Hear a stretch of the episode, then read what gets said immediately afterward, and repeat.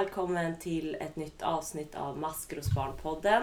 Och idag så är det bara jag, Ida, som är här och inte Helene. Men däremot så har jag med mig en gäst som eh, vanligtvis jobbar med mig här på kontoret men som idag är här och gästpoddar lite. Och jag tänker att du får presentera dig själv. Ja, superkul att vara här. Eh, Jag eh, heter Linn och jag eh, jobbar här på kontoret med, eh, med lite olika saker. Eh, Men jag jobbar framför allt i ett projekt som heter Mellanrummet tillsammans med Helene. Då. Mm. Och sen är jag ute och föreläser massa och, och utbildar och träffar jättemycket vuxna professionella. Så jobbar jag också som kurator här på kontoret. Mm. Eh, Så mycket, men, men framförallt väldigt mycket i vårt eh, påverkansarbete. Mm. Och så. Och du har ju varit engagerad ganska länge i Maskrosbarn. Vill du Mm. inte berätta lite hur du började? Mm. Ja, men jag eh, började ju eh, ja, men i slutet av 2013 var det. Eh, så skickade jag ett så här spontanmail och spontanansökan till, till att bli coach. Mhm. Ehm, och eh, så blev jag det. Eh, och ehm, ja, men nästan i samma veva så eh, började jag också jobba läger. Ehm, så innan jag började jobba här på kontoret så jobbade jag väldigt mycket med det. Ehm, och så. Mm. Mm.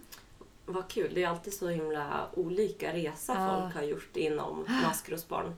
Men då när du började jobba på, på läger och, Mm. och som coach, eh, identifierade dig, du dig som ett maskrosbarn då? Eller kom det med tiden?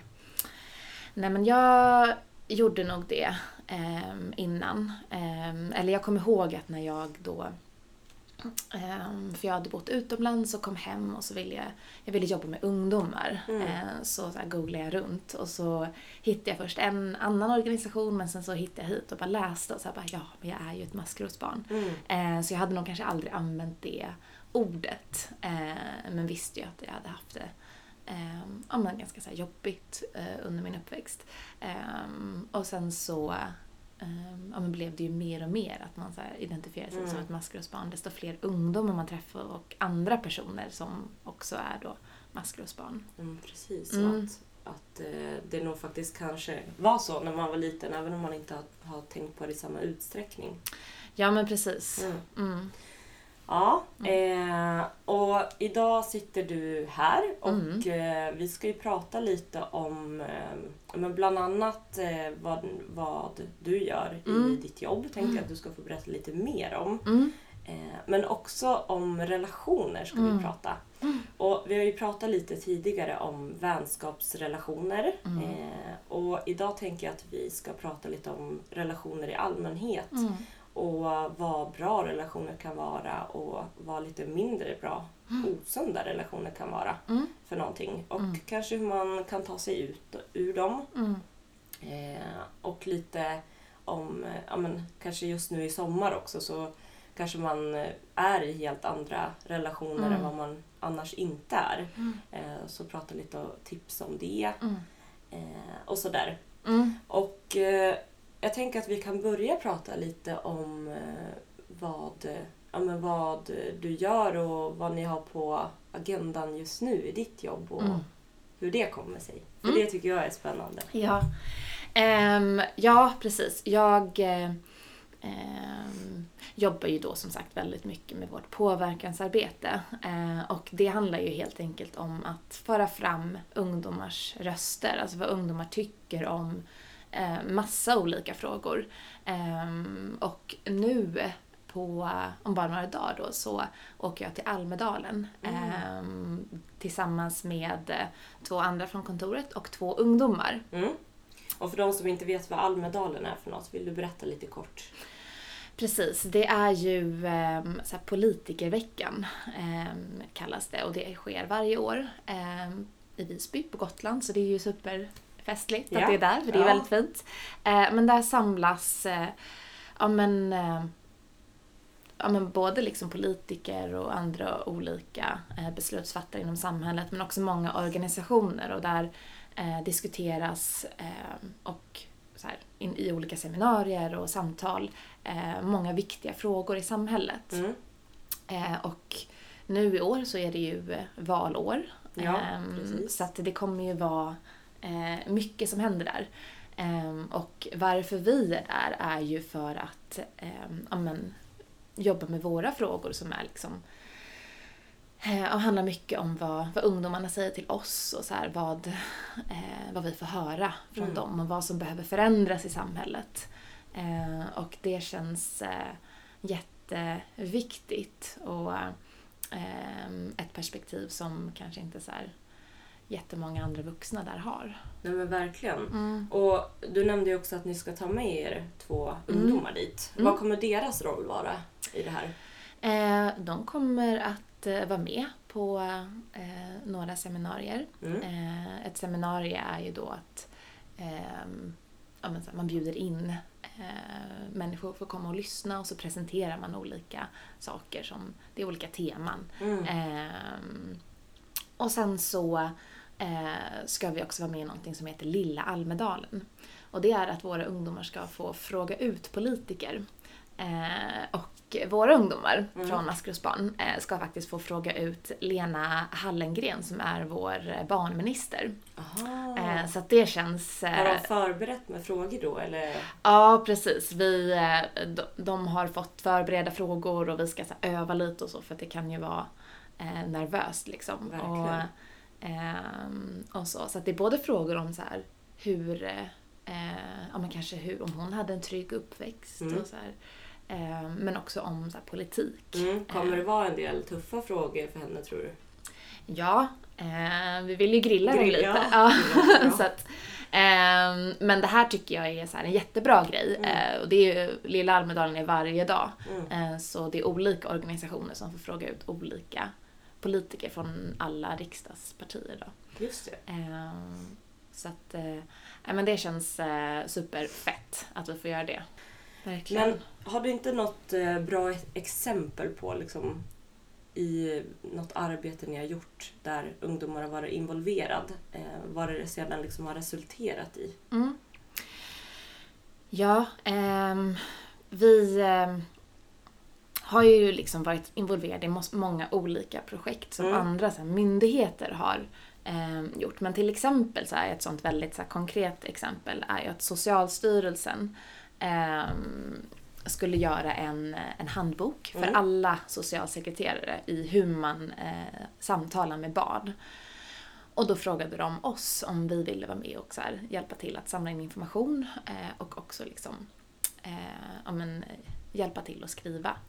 Ehm, och då hade vi en workshop med massa ungdomar och vi hade massa intervjuer och de sa ju jättemycket bra saker såklart. Det, Mm.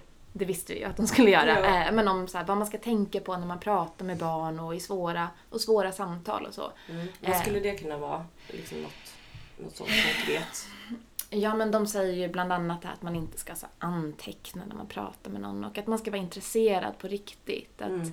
eh, att lyssna och kanske dela något så personligt om sig själv.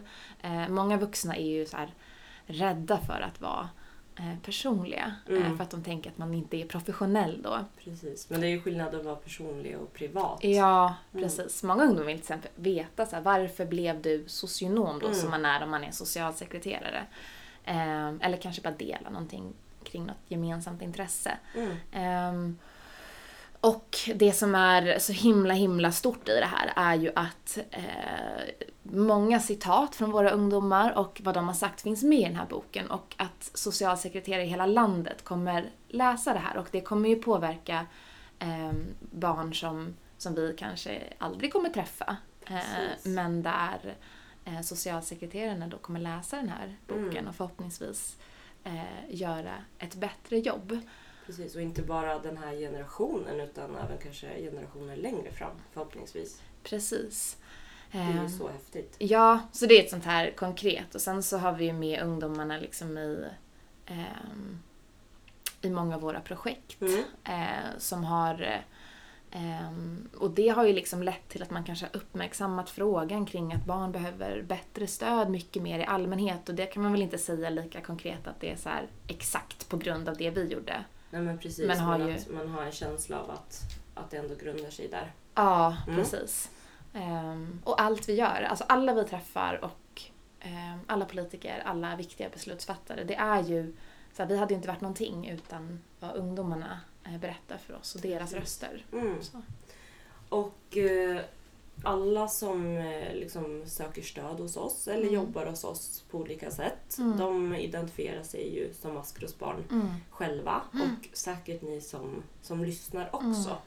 Eh, Men om man vill engagera sig då Mm. eh, i olika saker som vi gör, antingen som ungdom eller som, eh, som vuxen eller Mm. ung vuxen. Mm. Eh, vad finns det för olika sätt man skulle kunna göra det på? Mm. Men om vi börjar som vuxen då så ehm, kan man ju bli coach. Ehm, det är ju liksom vår version av ett kontaktmannaskap. Att Just. vara kontaktperson till en ungdom. Eh, både du och jag har ju varit det. Ja. Och det är ju så himla himla fint att få följa en ungdom under ett år. Jag tycker att det var sjukt häftigt att bara här, se utvecklingen och träffas varje vecka. Mm. Eh, och Se det den resan. Verkligen. Det är väldigt häftigt. var också så ett jätte, jättebra extrajobb när jag pluggade till socionom. Mm. Eh, det är ju arvoderat, Mm. eh, så man får ju betalt. Eh, Och inte just- för att det var det viktigaste, Nej. men, eh, men, Men ja, ändå. Det är bra när man pluggar liksom. Exakt. Och ju- just nu så söker ju vi faktiskt fler coacher. Mm. Eh, för att coachprogrammet har ju blivit så himla Ah. stort. Eh, och vi brukar ju ha fler coacher än vad vi har ungdomar. Men Mm. just nu är det faktiskt tvärtom. Ah. Så vi söker, söker ju coacher Mm. till hösten. Mm. Eh, Så att om ni identifierar er som ett maskrosbarn och ja, men idag känner att ni mår bra så Mm. får ni jättegärna höra av er Mm. och söka det. Och då kan man höra av sig till Mm. mia.maskrosbarn.org. Mm. Men fler saker då man kan engagera sig i, Mm. antingen hos oss eller bara i samhället för att liksom lyfta den här frågan. Mm. Ja, men precis. Och eh, är, man, eh, är man vuxen och så jobbar med barn, eh, då brukar ju vi, eh, vi har ju ibland eh, workshops och ibland har vi ju såna här inspirationsfrukostar Mm. för olika yrkesgrupper. Ehm, och det brukar vi eh, gå ut med på vår Facebook-sida. Mm. Så där får man ju jättegärna liksom komma. Ehm, och sen om man är ungdom och vill engagera sig ehm, så kan man ju också få göra det. För att vi vill ju eh, hela tiden höra eh, vad ungdomar tycker och så. Ehm, och eh, nu är, jag lite osäker på vem det är man ska höra av sig till. Mm. Jag tror att det har varit Sandra, men hon är ju föräldraledig nu. Men kanske Maria. Ja, Ja. eller bara mejla oss på vår Precis. kontaktmejl. Ja, oavsett vem man mejlar då så, så kommer det mejlet skickas till rätt person sen. Ja. Så är man ungdom och känner att så här, men jag vill verkligen dela med mig av vad jag tycker Mm. kring det här så hör av er för vi vill alltid höra. Precis. Och det kan ju också vara sådana enkla saker som att tipsa sin eh, rektor Mm. om att vi kan komma och föreläsa. Mm. Eh, eller bara dela våra inlägg på sociala medier. Eh, kanske dela dem till dem man tror skulle behöva veta mer om oss. Mm, Så precis. det kan ju vara på alla möjliga sätt. Verkligen. Både som vuxen och Mm. ungdom. Mm. Mm. Men du Linn, Mm. eh, vi brukar ju alltid börja med en bottentoppen stolt. Men Mm. nu blev vi så himla exalterade Ja. när vi pratade om, om Ja. vad du gör och vad ni ska göra. Mm. Eh, men jag tänker att vi gör det nu istället Ja. innan vi börjar prata om, om olika relationer. Mm. Och som vanligt så brukar vi ju låta gästen få Mm. börja. Mm. Ja, ehm, ja, men jag tror att jag börjar med, eh, med min, eh, min botten och min stolt hänger liksom ihop lite.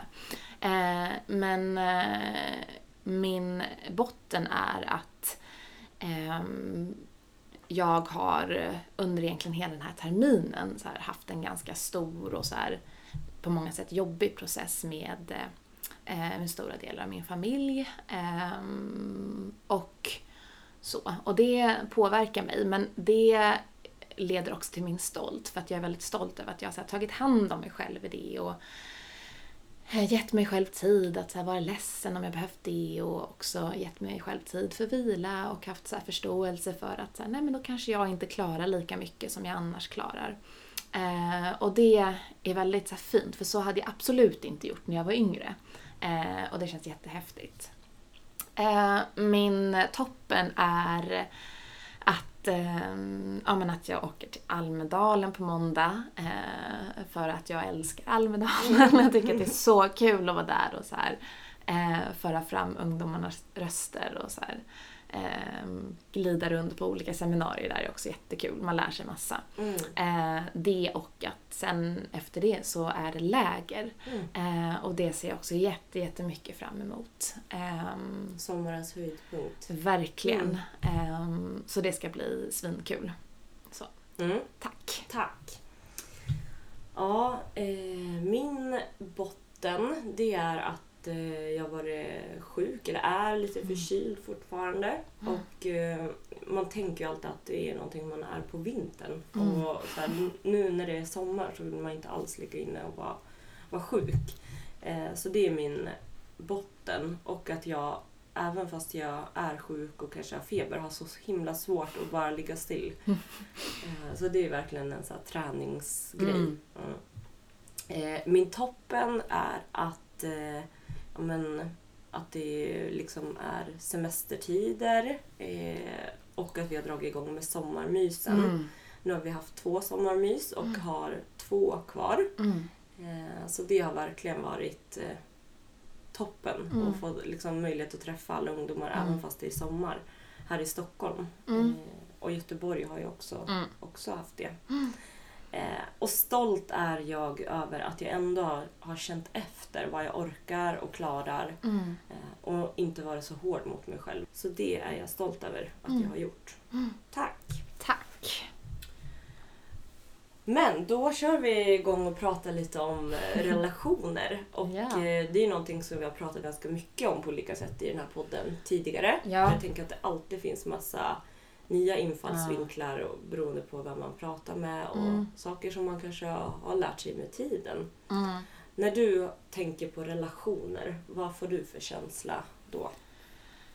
Eh, åh, det är ju så stort. Mm. Um, nej men alltså jag... Eh, eh, det första jag tänker på är att så här, på många sätt så har mina relationer eh, både räddat mig eh, men också på många sätt också fått mig att få må väldigt dåligt. Mm. Eh, och att det har påverkat mig enormt mycket men att det är typ det viktigaste jag har. Mm. Ehm, så. Precis, och Mm. det är ju verkligen så som du Mm. säger. Det är ju bland det viktigaste vi har, Mm. men också det svåraste Ja. många gånger. Så det är jätte, jättekluvet det där. Ja, verkligen. Mm. Mm. Men relationer för dig då? Hur, hur såg det ut när du var yngre och Mm. om du tänker tillbaks? Mm. Ehm, alltså jag skulle nog säga att jag hade en blandning av då, man skulle säga, både så sunda, osunda men också destruktiva relationer. Mm. Och så sunda relationer för mig ehm, är ju när man känner att man, den personen man har en relation med, att man mår bra Mm. eh, av att vara med den. Eh, att man eh, både ger och får i en Mm. relation. Eh, sen kan det ju såklart alltid vara att man tjafsar och så, men det är ju ganska naturligt. Mm. Eh, alltså en osund relation skulle jag väl säga är ja, men där man känner att man kanske ger mer än vad man får tillbaka. Ehm, och att så här, den här relationen mår jag kanske inte så bra av. Ehm, och sen en destruktiv relation handlar ju mer om någonting som faktiskt på riktigt skadar en. Mm. Eh, och jag hade vissa så här, ehm, ja, sunda relationer framförallt till mina så här, barndomsvänner. Mm. Ehm, men också många vänner där jag kände att jag gav mer än vad jag fick tillbaka. Så här, att man alltid var den som frågade om vi skulle ses eller alltid var den som så här, lyssnade när någon var ledsen. Ehm, alltid var den som hörde av sig. Mm. Ehm, och så. Ehm, men sen har jag också haft ganska många destruktiva relationer. Eh, och det där är ju ett så här litet knepigt ämne med destruktiva relationer för att ehm, ibland så är det ju inte så att man bara hamnar i en destruktiv relation utan att det kan ju vara så att man man söker sig till en, en destruktiv relation. Um, Precis, för det är ganska vanligt att Mm. man, man säger att "Åh, jag hamnar alltid med sådana här människor. mm, Eller att "Ja, de här verkar dras till mig. mm, Eh, Så det kan ju ligga någonting bakomliggande i det. Att man kanske faktiskt, nu säger jag inte att, att man alltid gör det, Nej. men att man, man kanske det, att det är det man är van vid och Mm. det är det man kan. Mm. Eh, Så att det undermedvetet gör att man kanske letar upp sådana relationer själv. mm. Ja men verkligen. Så där kan jag tänka att det var jättemycket för mig. Det förstod jag såklart inte då. Men nu i efterhand så kan jag tänka att, så här, att det handlade jättemycket både om det här att så här, vad man känner sig bekväm i men också vad jag tycker att jag är värd. Mm. Ehm, att ehm, jag tyckte ju inte så mycket om mig själv. Ehm, och då tänkte jag så här, men om jag inte älskar mig så får ingen annan göra det heller. Eh, inte så aktivt, men det var någon sorts, någonting som påverkade mig. Eh, och att så här, mitt värde, så här, av, vad jag tänkte om mig själv avgjorde vilka relationer jag... Precis, Jag för det är ju också en relation i sig. Relationen till sig själv. Ja. Mm. Mm. Men vad tänker du på när du hör relationer? Jag tänker nog direkt att det är väldigt svårt och jag har haft väldigt svårt med relationer. Både liksom med vänner men också partners eller bara människor Mm. runt omkring.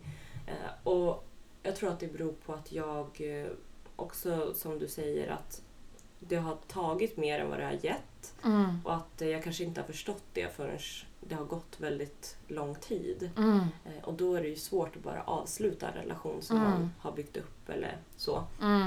Eh, Så det är någonting som jag verkligen har fått, fått lära mig och jobba med. Och så här, vilka relationer har jag och varför har jag dem och hur vill jag att de ska se ut. Mm. Eh, Samtidigt som att när man har haft en dålig relation Mm. så är det oftast det man minns Mm. till nästa relation. Mm. Eh, Så det är ju inte så att man tänker på de bra relationer man har haft och tänker att åh, det här och liksom ha de erfarenheterna utan det är ju de dåliga Mm. erfarenheter man minns. Mm. Och att jag tror att det kan liksom hänga kvar väldigt länge och Mm. förstöra väldigt mycket Mm. för relationer som kanske inte hade behövt vara så. Nej. Eh, Sen också någonting som jag också har kvar sedan jag var liten var att min mamma sa väldigt tidigt, kommer jag ihåg, att så här, man väljer inte sina släktingar Mm. men man väljer vilka man ska ha runt omkring sig. Mm. Eh, och det är också på något sätt som jag, någonting som jag liksom har hållit kvar vid. Mm. Att jag kan välja vilka jag ska omges av. Mm. Mm. Superviktigt. Och det där är ju någonting som ja, men, eh, vi pratar med våra ungdomar jättemycket om. Att, så här, ehm, att kunna välja. Mm. Eh, vi säger att man att kunna välja sin familj. Ehm, och det blir ju lättare när man blir vuxen eh, för att man har mer frihet. Men Mm. att man ändå kan välja på vilket sätt man vill ha en relation. Eh, och det är ju, kan ju vara skitsvårt. Ehm, men det går ju. Och det där, ja, jag tycker att det är så himla fint och viktigt Mm. att tänka så. Att så här, man väljer vilka man vill ha i sitt liv. Precis, och alla funkar ju olika och vissa, till exempel jag själv, jag är mer svart eller vit i Mm. mina relationer. Antingen så har jag en relation eller inte med någon. Mm. Medan andra kanske kan ha en relation som bara ligger där någonstans i bakgrunden och vilar Mm. och att det inte är uttalat någonting. Eh, varken liksom, om man har en relation eller inte. Mm. Eh, och att det är viktigt att så här, förstå att alla funkar olika där. Mm. Eh, Men också lyssna till sig själv. Att så här, mår jag inte bra av att ha en, en relation ens som inte är helt avslutad så, så är det liksom det man behöver göra, tänker Mm. jag. Verkligen. Och det där är ju också svårt för att oftast, eller oftast, man är ju alltid två personer i en relation. Men att man kan ha väldigt olika bild Mm. av en relation. Eh, och jag har varit så här, minns tillfällen där jag kanske har känt att den här är jättedestruktiv Mm. för mig. Men där den andra personen inte alls har haft den upplevelsen. Och att då kunna så här, då vill ju jag avsluta relationen. Eh, men den andra personen förstår inte varför. Nej, för Eh, den mår ju bra ja, av att precis. vara med dig till exempel. Ja, eh, och det där är ju... eh, Och, och då hamnar man ju i det här att ja, men då måste ju jag välja mig själv. Mm, Eh, och det är ju det som är skillnaden då för mig nu kanske från när jag var yngre och eh, nu, att nu kan jag välja mig själv. Eller jag vill göra det. Eh, då så vill jag inte göra det och då var jag ju kvar i de här destruktiva relationerna. Mm. Nu kanske det inte ens hinner gå så långt. Det kanske hinner bli osunt men aldrig liksom destruktivt längre. Precis. Och ju äldre man blir, ju tidigare kanske man ser tecken på att det inte är en relation som är bra för en. Mm. Eller att det är en relation som man behöver just nu. Ja. För där funkar man ju också olika. Alltså Mm. man har ju människor i relationer till olika saker. Mm. Eh, oftast. Mm. Att liksom någon kanske man har väldigt, väldigt roligt med och får Mm. att skratta. Någon kanske man har relation med och kan prata om djupa saker. Mm. Och någon kanske man har en relation till men ett, ett syskon till exempel. Mm. Eh, så att allting, alla relationer är ju till för olika saker oftast. Mm. kan ge en olika saker. Mm. Eh, Och jag tänker också att det är viktigt att man har en alltså samma bild av vad man vill ha ut av en relation. Mm. Antingen uttalat eller outtalat. Men att Mm. man känner båda två att man vet liksom vad den här relationen ger. Mm. Men verkligen. Eh, jag tycker att det är så viktigt också att så prata om sin relation. Mm. Eh, och där kan man ju vara olika. Jag har ganska många vänner som har samma syn på det. Och också många som kanske tänker att så här, nej, men det gör man med en partner. Mm. Eh, men jag tycker att det är minst lika viktigt att göra det med sina vänner. Eh, eller så andra relationer, alltså relation som säger till sina syskon Mm. eller om det går då till sina föräldrar eller andra släktingar. Ehm, och så. För det känns som att någonstans är det lite så här att men en outtalad regel men att så här, med sin partner kan man Mm. diskutera vad Mm. man tycker är rätt och Ja. fel. Men inte med kanske en vän eller en förälder eller ett syskon. Ja. Utan där är det mer bara en relation och så finner man sig i, Mm. i det och ger liksom inte varandra någon feedback vad man tycker funkar bra eller dåligt. Nej. Som man gör med en partner till exempel. Mm. Jag vet inte varför det är så. Nej, inte jag heller. Ehm, ja, alltså det är svårt att svara på. Jag tycker att det är lika viktigt. Ja, och så här, jag ja, ehm, och jag tror att eh, många av oss eh, som är maskrosbarn Mm. eh, kanske har om man, kanske, man kanske har det eller så kanske man inte har det men lika nära relation med sin familj eller man behövt hitta relationer utanför sin familj. Mm. Och då har man ju och då har de relationerna till ens vänner eller till en, ja, blivit väldigt viktig. Eh, så då kanske man lägger ner mer tid på att prata om det och så här. ja. Ehm, ja. Eh, och har man en väldigt nära relation till sin familj så kanske det inte finns ett behov på samma sätt. Precis. Och eh, jag tänker också, vi var ju lite inne på det, det här med syskon. Mm. Eh, för det är ju också någonting eh, som jag har märkt under åren. Att Mm. så här, speciellt när man växer upp som ett maskrosbarn. Mm. Att eh, men de relationerna kan vara extra viktiga men Mm. också kanske extra svåra. Mm. Eh, och att de kan se väldigt olika ut. Mm. Eh, och att man kan ha väldigt olika upplevelser av sin uppväxt. Mm. Vad har du för erfarenhet av syskonrelationer? Mm. Alltså så här ehm, väldigt eh, på många sätt så komplex. Mm. Ehm, jag har ju en lilla syster som har, vi har samma mamma. Mm. Eh, och sen så har jag en till lilla syster och en lillebror, vi har samma pappa. Så att Mm. jag är väl egentligen så ensam barn med mamma och pappa. Mm. Ehm, och ehm, där det som har varit jobbigt hemma hos mamma eh, har kanske inte varit jobbigt för min lilla syster på samma sätt. Utan det kanske har varit jobbigt av andra eh, anledningar. Men hon har liksom inte varit lika utsatt. Och Mm. samma sak då hos min pappa. Vilket då gör att man har väldigt olika bild av kanske hur det var när man växte upp. Eh, och det, gör det påverkar ju relationen såklart. Ehm, men ehm, jag och min lilla syster till exempel kan nu äntligen så prata om hur det var.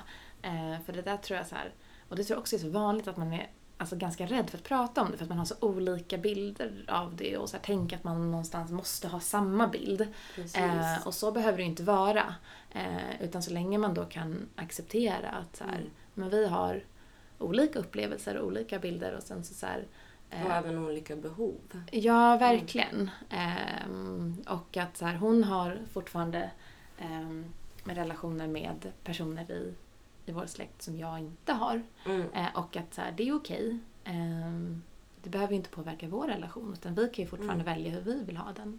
Precis, så man Mm. behöver ju liksom inte känna att man måste välja någon slags sida eller så om man inte absolut liksom känner att man behöver det. Men Nej, man precis. kan ju man kan ju ha en relation till någon Mm. eh, som har en relation med någon annan som man absolut inte vill ha en relation med. Och Mm. att det får liksom vara okej. Om det känns okej. Ja, precis. Har du någon erfarenhet av syskonrelationer? Ja, eh, men jag har också en syster och eh, någonting som jag har märkt väldigt mycket det är att åldern spelar ju Mm. väldigt stor roll. Mm. Eh, liksom åldersskillnaden. Mm. Eh, för att man upplever ju saker på helt olika sätt beroende på hur gammal man är. Mm.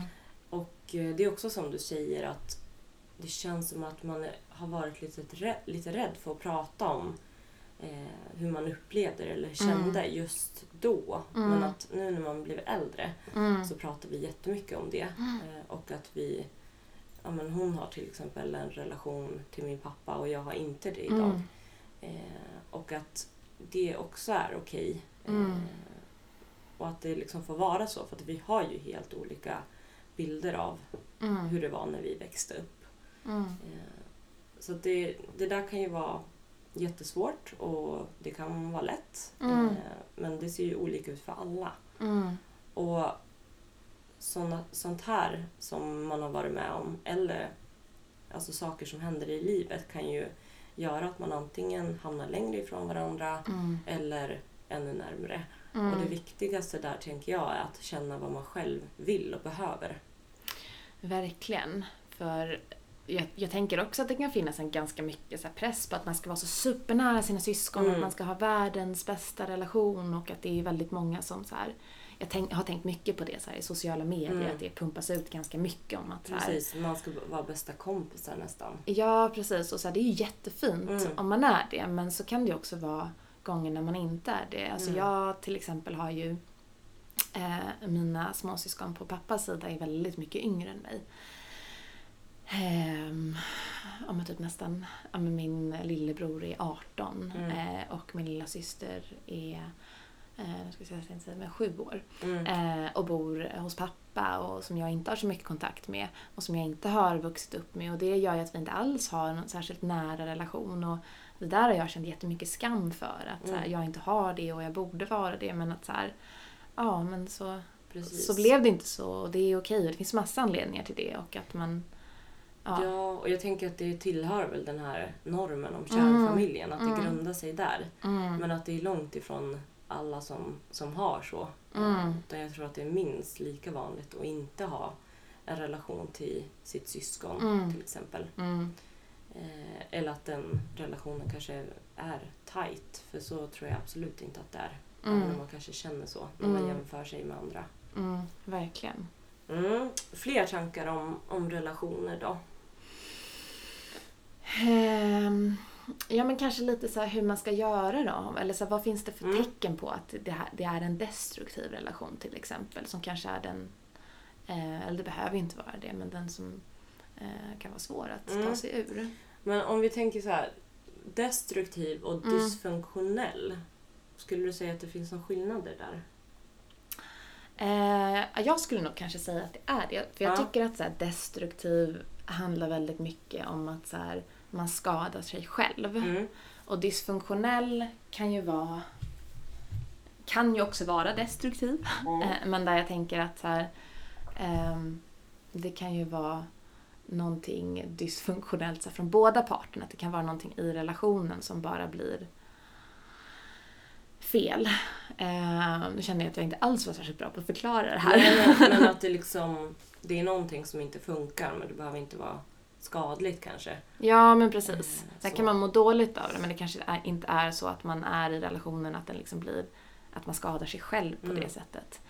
Ehm, så, så tänker jag. Men då tänker jag att det finns väldigt många relationer Ah. som är dysfunktionella.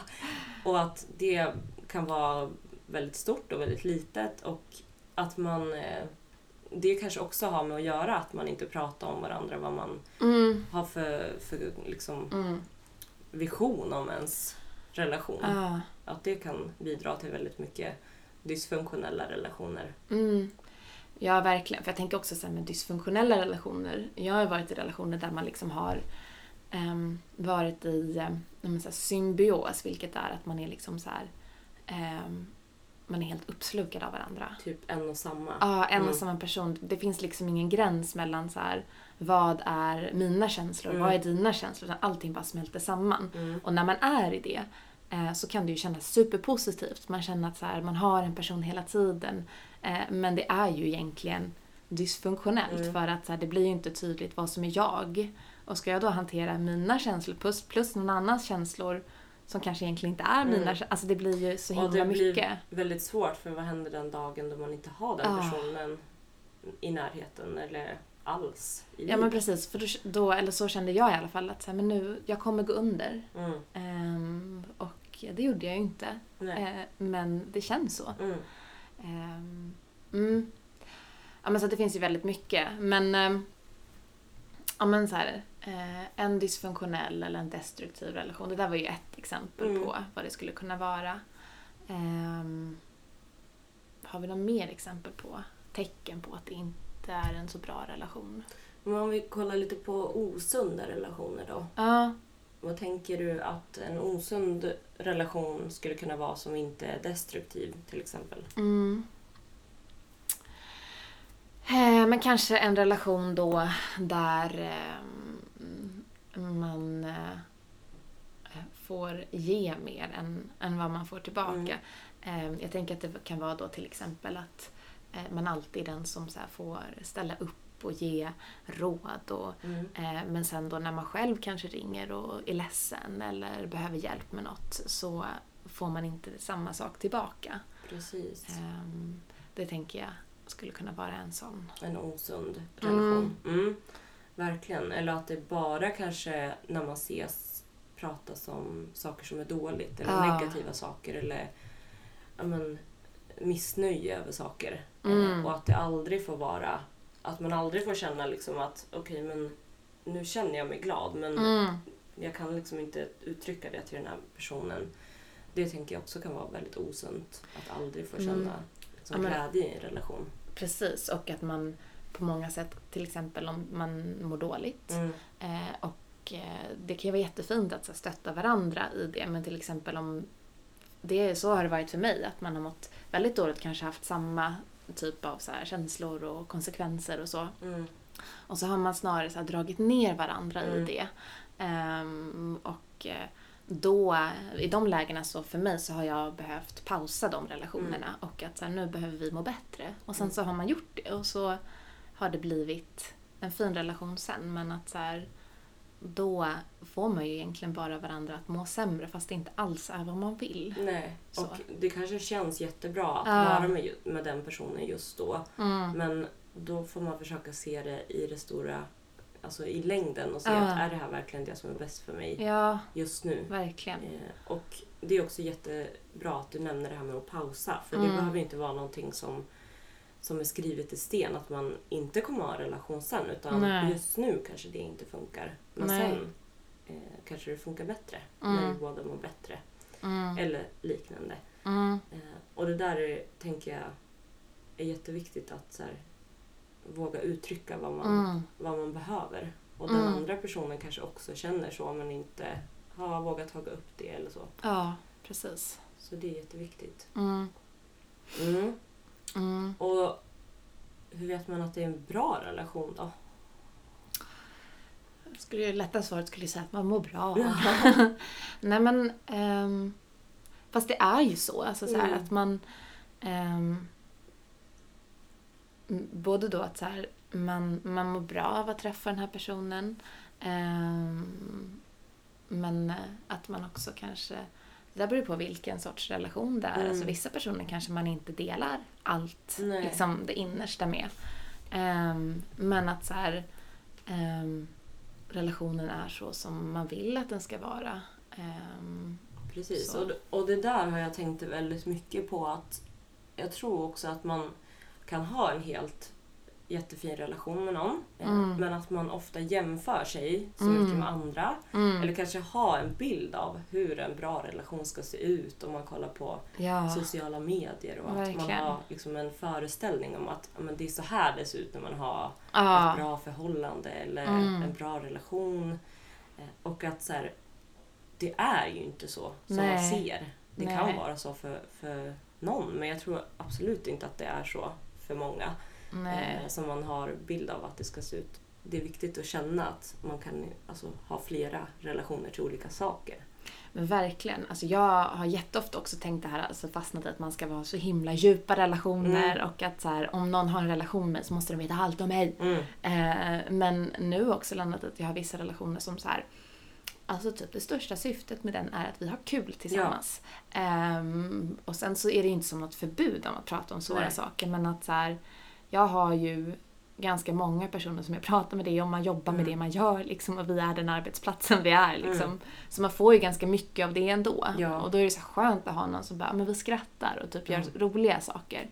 Ehm, och att det kan få vara så ehm, är ju eh, värdefullt också. Ja, för det där känner jag igen mig i jättemycket. Att eh, man känner att men, om jag har någonting Mm. som jag vill berätta Mm. så har jag känt att jag måste göra det för alla jag Ja, känner. verkligen. och så bara, men vänta jag behöver ju faktiskt inte göra det. Utan det Nej. räcker ju med att kanske berätta det för någon. Ja. Och att eh, det är okej. Ja, alltså ibland så känns det som att man behöver gå ut med ett pressmeddelande. och så här. Stoppa pressarna, nu har det här hänt. Eh, och sen så, så, här, så ofta vill man ju dela det med Mm. så här, ehm, eller då, om någonting stort händer så vill jag dela det med mina närmsta. Mm. Men så här, ja men då kanske det är så här ehm, tre eller fyra personer som Mm. jag verkligen har så här jätte, jättenära. Eh, och sen så kanske jag delar med någon annan person framöver. Men att det inte är Precis. så här man måste inte göra det. Man väljer vad man själv vill berätta. Man har ingen skyldighet i en relation att dela med sig av allt. Nej, och andra kan ju vara åt helt andra hållet också. Att man känner att man inte vill dela med sig till någon. Nej. Eh, och jag tänker att alltså det är ju också okej. Mm. Eh, men det kanske är bra att ha någon att dela det med. Mm. Att man kanske kan hitta en person då Mm. som man i alla fall kan berätta Mm. för. Ja, Eh, för. För saker är ju viktigt att ventilera med, verkligen. med vänner eller familj eller partners. Mm. Så att, eh, det är en fin balans det där. Verkligen. Mm. Jag har Mm. också tränat på att så försöka, när någonting händer och jag bara vill ringa alla direkt, att så försöka, okej, men nu andas jag och så kan jag berätta Mm. det här sen eller imorgon.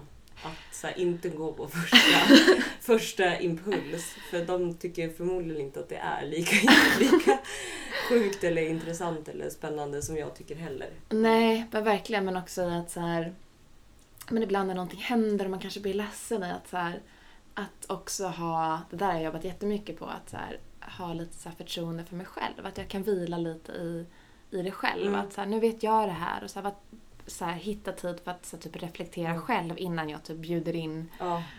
fem bara, andra ja, i det här. För att så jag vet inte ens själv vad jag känner. Nej. Eh, För jag har bara återberättat det här så många Ja. gånger. Ehm, Då blir det mer som att man ser på det utifrån. Ja, än verkligen. Att det är ens egna känslor eller tankar som, ja, som har hänt. verkligen. Ehm, Men vi kanske, apropå nu då, att vi eh, sitter här och pratar om att dela saker, ska slå ett slag för eh, chatten Ja, också.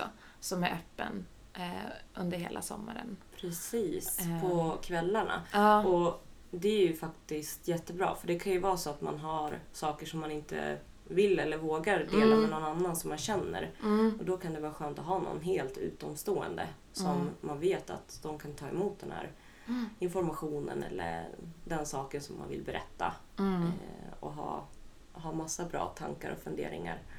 Och man kan ju vara helt anonym i chatten också. Mm, precis. Ehm, Så det är ju eh, ja, men jättebra. Mm, Ehm, precis. För sommaren ser ju ut på massa olika sätt Mm. eh, för många. Mm. Eh, och jag tänker att man blir ju ofta mer liksom centrerad eller isolerad Mm. i relationer som man kanske annars inte har lika intensiva när Mm. det är skola och Ja. allt sånt.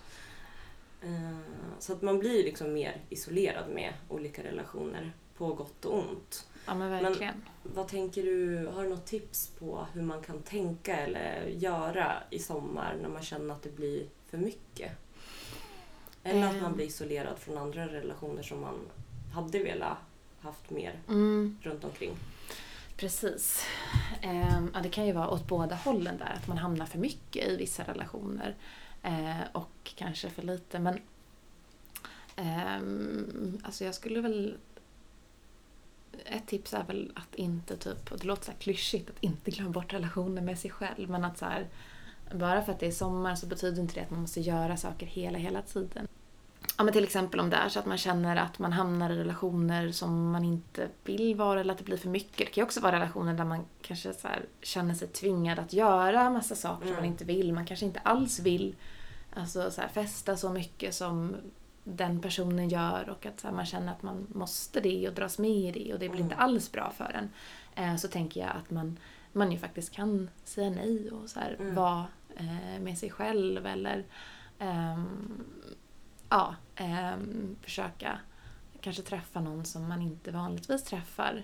Ehm, Och när det blir åt andra hållet, att Mm. man kanske blir isolerad från, från eh, men andra relationer som man vill ha mer. Mm. Så tänker jag också att men, det kan kännas som att alla kanske planerar saker Mm. och att alla är borta på sommaren. Mm. Eh, Men försök ändå så här, hitta dagar eller var inte rädd för att fråga om, om du kan följa med dem i det de har planerat Mm. eller att liksom våga bjuda in dig själv. Ja. Eh, Eller kolla, liksom, finns det någon dag som du skulle vilja ses i, emellan allt det här som du Mm. ska planera eller har planerat.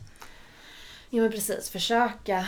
Man kanske vet att så här, jag brukar känna mig väldigt ensam på sommaren och Mm. att försöka så här, man behöver inte planera upp varje dag men så här, planera några dagar Mm. kanske. Att så här, okej men då vet jag att jag ska träffa den här personen den dagen och så här, bara vetskapen då om Mm. att så här, ja men på onsdag ska jag träffa den här Ja. personen så kanske man kan vara lite lugnare än de andra dagarna så att man inte sitter och så känner typ att nu är det tio veckor av ensamhet. Precis. För att bara ha någon, någon dag, precis som du säger, och se fram emot gör ju väldigt mycket. Och då behöver man inte känna så här, okej jag har ingenting planerat nu. Nej, precis.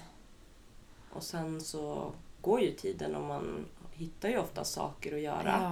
Ja. Eh, och kanske med tidens gång att man blir lite lugnare i Mm. att, att våga känna liksom att man inte behöver göra saker hela tiden. För det är också svårt att hitta en balans mellan att planera för lite och planera Mm. för mycket och liksom känna sig att landa i det. Mm, vart man vill vara. Det där är ju en balans, fortsätter Mm. ju livet ut tänkte jag säga. Att man aldrig lär sig. Ja. ja.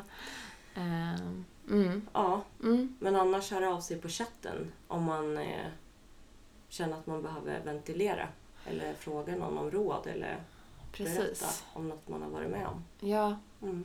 absolut. Ja. Ehm, det är ju, och ni hade ju ett avsnitt där ni pratade om vilket stöd man kan få Mm, på sommaren. precis. Eh, Ehm, I förra avsnittet så Ja. pratade vi om, om det. Och det eh, går att lyssna på igen Ja. på iTunes eller andra poddappar. mm. Eller vart ni nu lyssnar. Ja, Eh, och har ni någon kompis som ni tror också skulle behöva det så tipsa om, om det och dela den. mm. Bra, hur känner du inför sommaren nu då? Ja, men det är, jag eh, är ju en, en sån här person som har lite dubbla känslor inför Mm. sommaren. Eh, För att jag ehm, har alltid tyckt att det är lite jobbigt. att så här, Det känns som att man har en press på sig att så här, ha massa saker planerade och folk åker bort. Och man Mm. vill inte bli ensam samtidigt som man inte vill planera massa saker. Eh, men jag tycker att det känns ganska bra för att jag Mm. har liksom en balans. Ehm, jag ska åka iväg ehm, på en, en jättehäftig, spännande resa. Eh, och sen så är jag lite hemma och så här, så det kommer en bra kombo. Bra balans. Mm. Mm. Så, hur känner Ja. du? Eh, ja, men jag känner också så och eh, jag har också alltid dubbla känslor inför det här. Jag är rädd att så här, alla kommer planera saker och så sitter jag där Mm, och så bara, nej jag har ingenting att göra. Och samtidigt så vill man fånga dagen för att se om det är fint väder. Eh, och samtidigt som att ibland så orkar man inte. Men jag Nej. tror att jag lär mig mer och mer för varje Mm. år. Som går med semestrar Mm. och hur jag ska hantera det. Mm. Mm. Och jag liksom också försöker påminna mig själv hela tiden om att de flesta känner som Mm. vi. Mm. Mm. Hörni, tusen tack för idag så Mm. hörs vi om en månad igen. Hejdå!